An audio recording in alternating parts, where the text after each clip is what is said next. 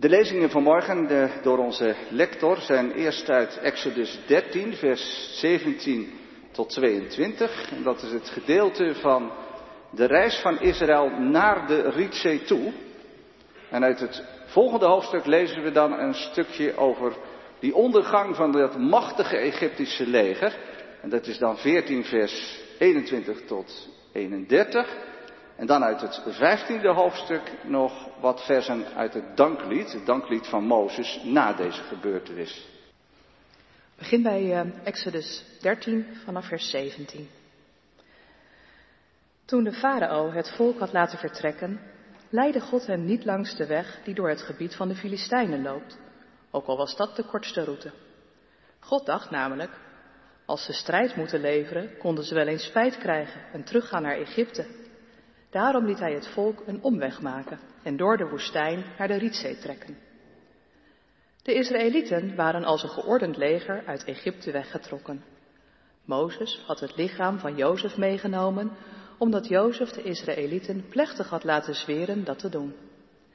God zal zich jullie lot aantrekken, had hij gezegd, en dan moeten jullie mijn lichaam van hier met je meenemen. Nadat ze Sukkot hadden verlaten, sloegen ze hun kamp op in Etam, aan de rand van de woestijn. De Heer ging voor hen uit om hun de weg te wijzen, overdag in een wolkolom, s'nachts in een lichtende vuurzuil. Zo konden ze dag en nacht verder trekken. Overdag ging de wolkolom het volk voortdurend voor en s'nachts de vuurzuil. Verder bij hoofdstuk 14 vanaf vers 21. Toen hield Mozes zijn arm boven de zee. En de Heer liet de zee terugwijken door gedurende de hele nacht een krachtige oostenwind te laten waaien. Hij veranderde de zee in droog land. Het water spleet en zo konden de Israëlieten dwars door de zee gaan, over droog land. Rechts en links van hen rees het water op als een muur. De Egyptenaren achtervolgden hen alle paarden en wagens van de farao en al zijn ruiters gingen achter hen aan de zee in. Maar in de morgenwaken keek de Heer vanuit de vuurzuil en de wolkolom neer op het Egyptische leger en zaaide paniek onder hen. Hij liet de wielen van de wagens vastlopen, zodat de Egyptenaren met moeite vooruitkwamen. Laten we vluchten, riepen ze. De Heer steunt de Israëlieten, hij strijdt tegen ons. De Heer zei tegen Mozes, Strek je arm uit boven de zee, dan stroomt het water terug over de Egyptenaren en over al hun wagens en ruiters. Mozes gehoorzaamde en toen de dageraad aanbrak, stroomde de zee terug naar haar gewone plaats. De Egyptenaren vluchtten het water tegemoet. De Heer dreef hen regelrecht de golven in. Het terugstromende water overspoelde het hele leger van de farao, al zijn wagens en ruiters die achter de Israëlieten aan de zee ingereden waren. Niet één van hen bleef in leven. Maar de Israëlieten waren dwars door de zee gegaan, over droog land, terwijl rechts en links van hen water als een muur omhoog rees. Zo redde de Heer de Israëlieten die dag uit de handen van de Egyptenaren. En toen ze de Egyptenaren dood langs de zee zagen liggen en het tot hen doordrong hoe krachtig de Heer tegen Egypte was opgetreden, kregen ze ontzag voor de Heer en stelden ze hun vertrouwen in Hem en in zijn dienaar Mozes. Toen zong Mozes samen met de Israëlieten dit lied ter ere van de Heer. Ik wil zingen voor de Heer. Zijn macht en majesteit zijn, zijn groot. Paarden en ruiters wierp hij in zee. De adem van uw neus stuwde het water omhoog. De wilde watermassa's stonden als een wal het kolkende water stolde in het diepst van de zee. Angst overviel hen, vrees beving hen, toen zij hoorden van uw machtige daden. Zij werden stom als steen, terwijl uw volk voorbijtrok, Heer, terwijl uw volk voorbijtrok, het volk door u geschapen. De Heer is koning, voor eeuwig en altijd. Dit is het woord van God. Gemeente van Jezus Christus, Zusters en broeders, meisjes en jongens. Een tijdje geleden mocht ik weer voorgaan bij de brug aan de overkant, zoals jullie weten. En dat doe ik een paar keer per jaar en met heel veel plezier. Maar toen ik die keer op het rooster keek, wat er aan de beurt was, viel dat eerlijk gezegd een beetje tegen. Alleen dat eerste gedeelte van die lezing die we vanmorgen hadden, dus Exodus 13, vers 17 tot 22 dus. Een stukje wat nergens over lijkt te gaan. Een soort tussenstukje. Een stukje van op reis zijn, ergens naartoe gaan. Maar gelukkig als je met de Bijbel aan de slag gaat, blijken die goede woorden van God toch altijd levend en krachtig te zijn. Dan komt er altijd wel wat uit. En zo kwam ik ook dingen tegen die heel goed passen bij deze zondag kantaten. Hij bevrijdt, hij leidt, soms langs ingewikkelde voor ons vreemde paden, door donkerheid soms ook. En ik kon het bij het maken van de preek natuurlijk niet laten om ook nog wat mee te pakken uit het gedeelte waar ik eigenlijk over hoopte dat het ging in de brug. Dat deel van die doorgang in de Rietzee. Maar eerst dus de reis er naartoe. God had Israël met een sterke hand uit Egypte bevrijd. Het werd simpelweg te erg. Te erg met die plagen. Ga onmiddellijk weg, had Farao gezegd tegen Mozes en Aaron. Alsjeblieft, ga je Heer maar vereren zoals jullie dat willen. Zoals jullie dat hebben gevraagd. Doe wat je wil. Neem je schapen, je geiten, je runderen, neem ze allemaal maar mee. Maar verdwijn. En ze vertrokken, dat slavenvolk. Hals over kop en ook beladen met van alles en nog wat. Het was een bonte stoet van mannen, vrouwen en kinderen en dieren, heel veel dieren.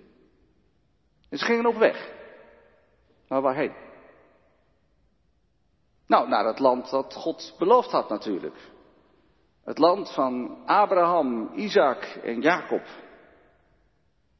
En de kortste route daar naartoe was langs de kust. Dat was een hele bekende karavaanroute. Maar die route liep nu juist wel langs het gebied van de Filistijnen. Het tegenwoordige Gaza. De Filistijnen, de aardsvijanden van Israël. En ook nu nog, dat weet u wel, is er een erg problematische verhouding met de bewoners van de Gazastrook. En dan staat er dat God niet die kortste route kiest. En we kunnen ook nog lezen wat God daarbij dacht. We mogen als het ware een kijkje in de gedachten van God nemen. In zijn hoofd kijken. Heel bijzonder eigenlijk. En God denkt, als die Israëlieten nu moeten vechten met die Filistijnen, dan konden ze wel eens spijt krijgen. En konden ze wel eens terug willen naar Egypte. En daarom Daarom kiest God niet die kortste route langs de karavaanweg, maar moeten de Israëlieten een grote omweg maken en door de woestijn naar de Rietzee, dus helemaal als onder. Toch wel een beetje vreemd, vinden jullie niet? Die machtige God die Israël net bevrijd had uit Egypte. Diezelfde God die de farao de stuipen op het lijf had gejaagd, met steeds erger wordende plagen, die gaat nu letterlijk een blokje om voor de Filistijnen. God had die Filistijnen toch ook gewoon een lesje kunnen leren? Afblijven. Het is mijn volk. Ze moeten naar het beloofde land. Ik heb ze niet voor niets met een krachtige hand en een sterke arm bevrijd uit Egypte. Het moet klaar zijn met al die vijanden. Nee, dat doet God wel bewust niet. En juist daarom is dit een van de sleutelteksten voor de rabbijnen. Een hele belangrijke tekst voor het op reis zijn met God. Een gids voor de reis van je leven. Een gids voor mensen zoals u en ik, die God soms helemaal niet kunnen volgen. Want ja, inderdaad, God grijpt soms krachtig in, zoals bij Farao. Maar dat is meer uitzondering dan regel. En vaak ook helemaal niet zo goed teken als God dat doet. Het is Gods gewone weg om voorzichtig, langzaam, maar o zo effectief zijn weg te kiezen. God forceert niet, maar zoekt zijn weg met de mens. En trekt met hem op. Tastend eigenlijk. Hij leidt je langs het kwaad, er doorheen. En hij kent je door en door. Houd rekening met onze angsten. Hij kent de Filistijnen in uw leven en in mijn leven. En houdt daar rekening mee. Die zijn voor hem geen geheim. En hij denkt er ook zorgvuldig over na. Hij wikt en hij weegt. Hij wikt en weegt het kwaad in ons leven. Zodat het niet te veel voor ons wordt. Maar waarom gaf God die Israëlieten nou niet gewoon genoeg moed in hun hart? Vraag je je misschien af. Omdat God ook onze menselijke natuur kennelijk niet forceert. In ieder geval normaliter niet. Dat is ook niet Gods normale weg. Hij laat die Israëlieten zelf moed verzamelen. Moed verzamelen. Zelfs een hele generatie lang. Een hele generatie moet leren overleven in die barre woestijn. En moet leren vertrouwen op die God van Israël. Pas dan, pas dan als ze veranderd zijn, als ze beproefd zijn, als ze hebben leren vertrouwen, als ze hebben leren geloven, als ze vernieuwd zijn ook. Een hele nieuwe generatie zijn geworden zelfs. Een generatie die het verleden van zich af kan zetten. Pas dan, pas dan komen ze onbelast in Egypte. Vrijgemaakt van dat slavenbestaan. Maar nu zijn ze nog onderweg. Dat is allemaal straks. Ze zijn nu onderweg, die Israëlieten. Net als wij. En God laat niet alleen zien dat Hij ons mensen door en door kent, maar ook dat Hij de betrouwbare is. Dat Zijn beloften werkelijk waar zijn. Want had Jozef eeuwen geleden de Israëlieten niet plechtig laten zweren dat zijn dode lichaam mee moest, als ze zouden zijn bevrijd uit Egypte naar Israël toe? God zal zich jullie lot aantrekken, had Jozef gezegd. Zeker weten, al zie je er nu nog helemaal niets van. En het had echt heel lang geduurd. Heel, heel, heel erg lang. Waarschijnlijk ongeveer zo'n 400 jaar. Moet je eens voorstellen, vele generaties lang. Zoveel keer sinds mensenheugenis. En nog gebeurt er gewoon helemaal niets. Dat is andere koek hè, dan dat welvaartsevangelie. Dat als het niet snel gebeurt, je gebed niet is verhoord. Je relatie met God misschien niet oké is. Je geloof te klein is. Je zonde niet goed beleden hebt. Nee, Jozef was ervan overtuigd. Hij geloofde het, hij vertrouwde erop. Het zal gebeuren op Gods tijd. En ik zal het niet meer meemaken. Dus daarom moeten jullie mijn dode lichaam meenemen. En die beenderen van Jozef die gaan dus nu mee als een teken dat God zijn belofte inlost. Dat God de betrouwbare is. Zijn dode lichaam is het bewijs. Langzaam maar zeker maakt God zijn beloften waar. Het zal gebeuren. Ja, het duurt soms lang. Soms zelfs, soms zelfs verschillende generaties lang. Maar God gaat door. Zijn plannen falen niet. En ook in die laatste tekst van dat eerste gedeelte dat we lazen, zie je dat God zo op ons mensen betrokken is. Dat we daar niet over in het duister hoeven te tasten. Want ik weet niet hoe het u vergaat, maar wij hebben vaak zo moeite om God op zijn woord te geloven. En God weet dat wel. Hij komt ons tegemoet. Want uiteindelijk aangekomen bij de rand van die nog grotere Sinaï-woestijn, zullen de Israëlieten natuurlijk ook wel gedacht hebben. Wat nu dan weer? Waarom hier? Moeten we echt ook die woestijn nog in? En die Rietzee dan? Wat is de bedoeling van God? Maar juist daar, op dat punt, op die rand van die grote woestijn, laat God zien hoe Hij het voor zich ziet. Die tocht door die woestijn. De eeuwige gaat hen zelf voor. Gaat hen zelf de weg wijzen. Nee, daarmee weten ze niet wat ze te wachten staat. Gelukkig ook maar. Maar die Israëlieten die moeten leren om op God te vertrouwen. Dat God er zelf bij zal zijn. Dat Hij zijn naam eer zal aandoen. De ik zal er zijn. De ik zal erbij zijn. En Hij, die God, die niet in onze categorieën past, Hij die de onzichtbare is, geeft daarom twee zichtbare tekenen. Eén voor overdag en één voor in de nacht. Iedereen kan het zien.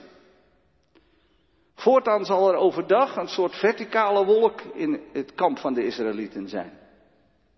Een wolkolom. Teken van die onzichtbare God. En in de nacht dan? Nou, dan zal die wolk verlicht zijn. Eigenlijk heel aandoenlijk, hè, vindt u niet? Net als een nachtlampje dat kinderen geruststelt in een donkere kamer. God is erbij. Hij trekt met hen op. God lost niet alles op, maar hij is er. De eeuwige zelf is hen tot steun. Hij is hun gids bij alles wat er nog zal gebeuren. De wolk met Gods aanwezigheid was er altijd, dag en nacht. Een teken en een gids voor onderweg. Dat we dat nodig hebben, ervaren we vooral als het in ons leven niet allemaal van een leien dakje gaat, toch? Als we voor de woestijn van het leven staan, of er misschien wel middenin zitten. Als we het echt niet meer snappen. We zouden dan ook wel een kijkje willen hebben in de gedachten van God. Hoe weet ik nou zeker dat God ook mij wil bevrijden? Dat God ook met mij op wil trekken? Kijk, en dat heeft God nou juist het meest duidelijk gemaakt in Jezus, die de Christus is. God is in Hem vrijwillig met ons opgetrokken. In Hem is Hij vrijwillig de strijd met het kwaad aangegaan. En dat, dat is nou de kern van zondagkantaten. Hij, de opgestane, zet ons leven in perspectief. In Hem is God de kwetsbaarheid zelf geworden. God is in Hem voor ons de dood ingegaan. God is van God verlaten, zodat wij nooit meer van God verlaten hoeven te worden. En om dat duidelijk te maken, maakt God zich in zijn openbaring aan ons gelijk. Althans, hij past zich in zijn openbaring aan aan wat wij nodig hebben. Zo kun je bijvoorbeeld ook het brood en de wijn zien in het avondmaal. Net als die Israëlieten die die wolkolom en die vuurkolom eenvoudigweg nodig hadden, die het moesten zien. Zo kunnen we het in het avondmaal zien en proeven. Dat al je zintuigen betrokken zijn tot troost. Dat je het ervaart dat Hij met je is. Dat Jezus je zelf troost in brood en wijn. Dat hij, dat hij laat zien dat het niet erg is dat je het niet redt. De psalm voor deze zondag is niet voor niets psalm 98 waar we mee begonnen. Zing voor de Heer een nieuw lied. Wonderen heeft Hij verricht. Zijn rechterhand heeft overwonnen. Zijn heilige arm heeft redding gebracht.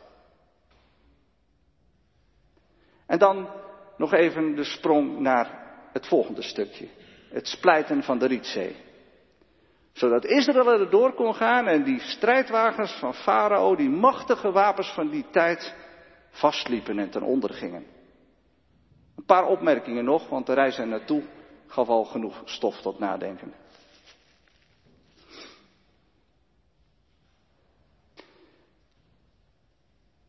Als u de tekst goed tot u door hebt laten dringen, dan zou ik u een vraag willen stellen. Wat was nu het wonder van die Rietzee? Was dat nu een sterke oostenwind?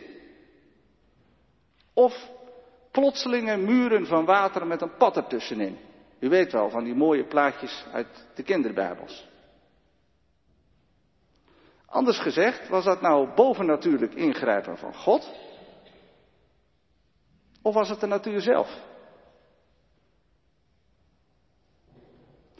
Het was mij eerlijk gezegd nog nooit opgevallen, maar de in 2020 overleden opperrabijn Jonathan Sachs uit Londen legt de vinger bij op het eerste gezicht twee tegenover elkaar staande perspectieven. Perspectieven die gewoon uit de teksten zelf volgen. En voor u nu denkt, nou ja, dat zal wel. Het gaat hier niet om zomaar iets. Het gaat hier om een van de belangrijkste wonderen voor de Joden. Zo belangrijk dat de tocht door de Rietzee dagelijks wordt geciteerd. Dagelijks wordt geciteerd in het ochtendgebed en dan net na het Shema. Het Hoor Israël, de Heere onze God is één.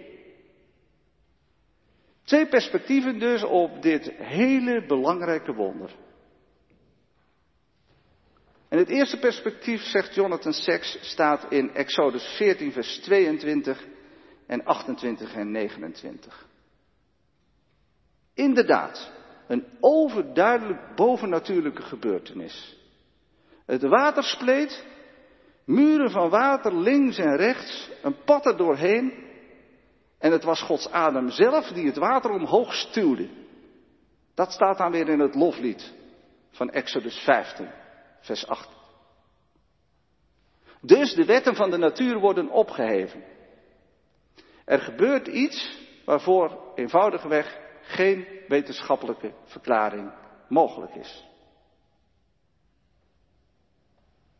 Maar als we goed luisteren naar de tekst, is er ook nog een andere toon te horen. Een heel andere toon zelfs. Het perspectief van met name Exodus 14, vers 21. En daar staat, toen hield Mozes zijn arm boven de zee en de Heer liet de zee terugwijken door gedurende de hele nacht een krachtige oostenwind te laten waaien. Hij veranderde de zee in droog land. Hier dus geen plotselinge verandering. Hier dus een duidelijke natuurlijke oorzaak. God doet gewoon een wind opsteken. God heeft ook gewoon tijd nodig.